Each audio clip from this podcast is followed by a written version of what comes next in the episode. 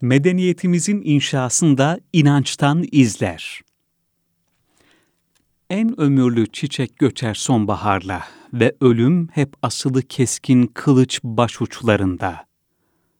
Sezai Karakoç'un bu dizeleri insana nasıl olursa olsun bir gün karşılaşacağı ve hayatının son bulacağı ölüm gerçeğini hatırlatmaktadır ölümle insanın dünyadaki somut varlığı sona ermektedir. Ancak insanın hatıraları ve geride bıraktıkları yaşayanlar için var olmaya devam etmektedir. Öyle ki insan yaşarken ölüm gerçeğini bilir ve ölümden sonra hatırlanıp var olacağı, diğer insanların faydalanıp istifade edebileceği ya da insanlara kendisinden bir mesaj taşıyan bir eser bırakmak ister. Bu eser insanın dünya var oldukça hatırlanmasını sağlayacak ve onu yansıtan bir meta olmakla birlikte onun dünyadaki bir izi olarak varlığını sürdürecektir. İslam inancında insan ölünce biten dünya hayatıyla dünyadaki amelleri de son bulur. Bu hususta Peygamber Efendimiz, insan öldüğü zaman amellerinin sevabı kesilir. Üç amel hariç, sadakayı cariye, yararlanılan ilim ve ebeveynine dua eden salih evlat ve yedi şeyin sevabı kişinin ölümünden sonra o kabrindeyken bile devam etmektedir. İlim öğreten, su kanalı yapan, su kuyusu açan, ağaç diken, mescit inşa eden, musaf miras bırakan ve ölümünden sonra kendisi için mağfiret dileyecek bir evlat yetiştiren hadisleriyle Müslümanlara öldükten sonra da bu dünyada onlara fayda sağlayacak amelleri belirtmiştir. Söz konusu hadiselerin yanı sıra Allah'ın ilk yarattığı şeylerden biri olan su, onun cemal ve celal sıfatlarını temsil eder ve Hay ismine işaret etmektedir. Cennette bir ırmak olan Kevser'den ve Sersebil'den akan tatlı suyun cennetliklere ikram edileceğine inanılmaktadır. Osmanlı döneminde bu inançla başta padişah, valide sultan, hanım sultan ve şehzade olmak üzere saray erkanı ve ileri gelen devlet adamları, din görevlileri ve geliri iyi olan vatandaşlar hayırlarına ve ölümlerinden sonra ruhlarına dua okunması amacıyla çeşme ve sebiller yaptırmışlardır dönemin güzide süsleme unsurlarını barındıran bu yapılar, genellikle kitabelerinde banilerini ve onların dualarını taşımaktadır. Bununla birlikte çeşme ve sebillerde baninin türbesi ya da mezarıyla irtibatın sağlandığı yapılar olarak da karşımıza çıkmaktadır klasik mimari üslubun yani mimarlık tarihinin en önemli mimarlarından olan Mimar Sinan'ın türbe ve sebili bu konuda mütevazı bir örnektir. Kalfalık eseri olan Süleymaniye Camii'nin kuzeyine eserin imzası gibi inşa ettiği türbe ve sebil yapısı bugün varlığını sürdürmektedir.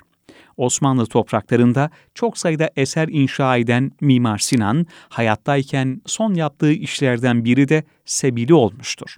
Sebil'e ait arşiv kayıtlarında Sultan 3. Murat Han'ın emriyle Mimar Sinan'ın önerileriyle halk yararına inşa edildiği anlaşılmaktadır.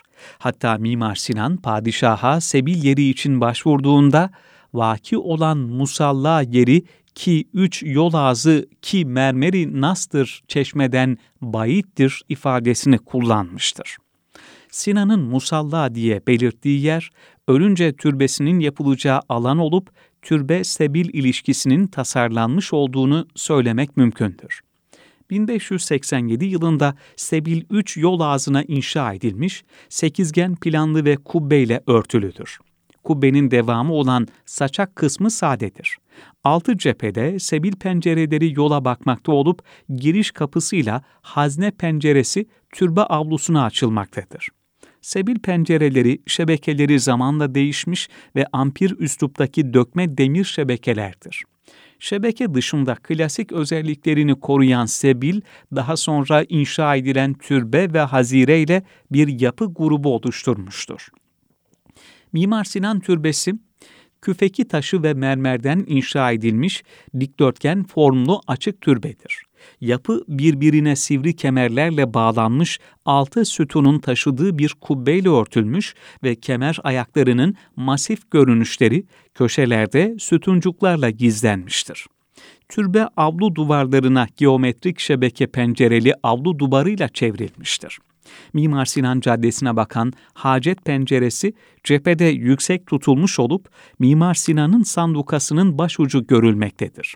Sanduka mermerden mamul, burma kavuklu ve Rumi süslemelidir. Buradaki hacet penceresinde Sinan'ın arkadaşı şair ve nakkaş Sai Mustafa Çelebi'nin üç satır halinde 15 mısralık Hasan Karahisari Sülüs Hatlı kitabesi yer almaktadır. Bu kitabenin ilk iki satırında dünyanın geçiciliğiyle başlayıp Kanuni Sultan Süleyman'a mimar olup yaptığı caminin cennetin bir alameti gibi olduğu, Hızır aleyhisselam gibi yetişerek hayat kaynağı olan suyun akmasını sağlayan su yolları yaptığı, 400'den fazla izzetli yapılar yaptığı ve 100 yaşından fazla ömür sürüp vefat ettiği yazılıdır. Son satırındaysa Said Çelebi Mimar Sinan'ın vefat tarihini vererek Allah'tan yattığı yeri cennet bahçesi kılması ve insanların Mimar Sinan'ın ruhu için Fatiha okunmasını ihsan etmektedir. Bu kitabe birçok yönden bir asır yaşayan ve inşa ettikleriyle insanlığa fayda sağlayan Mimar Sinan'ı anlatmakta ve türbeyi ziyaret eden, kitabeyi okuyan insanların Mimar Sinan'ın ruhu için Fatiha okumaya yönlendirmektedir. Ayrıca Mimar Sinan'ın su yapıları inşasına değinmesi ve Hızır aleyhisselamla benzetmesi dikkat çekicidir. Suyun hayati önemi ve İslam inancındaki yeri öne çıkmıştır. 1588 yılında vefat eden Mimar Sinan'ın son eserlerinden olan Sebiliyle dünyadaki son yeri olan türbesi, tarihsel süreç içerisinde çeşitli onarımlar görmüş olup bugün iyi durumdadır. Sebil çeşme muslukları zaman zaman çalınsa da bugün çeşmelerinden hala su akmakta ve insanlara fayda sağlamaktadır. Sebil, arkasındaki türbede metfun Mimar Sinan'ın yaptığı ve bu dünyada bıraktığı mimari izleri her daim hatırlatmaktadır. Mimar Sinan Türbesi'nde görülen türbe-sebil ilişkisi Kuyucu Murat Paşa, Bayram Paşa, Koca Sinan Paşa türbelerinde de görülmektedir. Bu yapılarda da türbe-sebil bağlantılı olup ayrı yapılardır. Oğlan Şeyh İbrahim Efendi için 1871 yılında inşa edilen türbe ve sebil tek bir mekan içinde yer almaktadır. Sebil'in caddeye bakan pencereleri aynı zamanda türbenin hacet pencereleridir. Farklı dönem ve banilere ait yapılardaki türbe sebil ve çeşme ilişkisi aynı inançla yapılmış olduğunu göstermektedir. Bugün daha çok Laleli Camii olarak bildiğimiz camiyle birlikte Külliye'de yer alan Sultan 3. Mustafa Han'ın türbe ve haziresinde türbe sebil ve mezar çeşme ilişkisi görülmektedir. Hazirede metfun Adi Şah kadın için kızları Beyhan ve Hatice Sultan 1804 tarihli bir çeşme yaptırırlar. Adi Şah kadının mezarı metal şebekeli olup çeşme mezarın hacet penceresinin iki yanına yapılarak bani ve çeşme arasında bağ sağlanmıştır.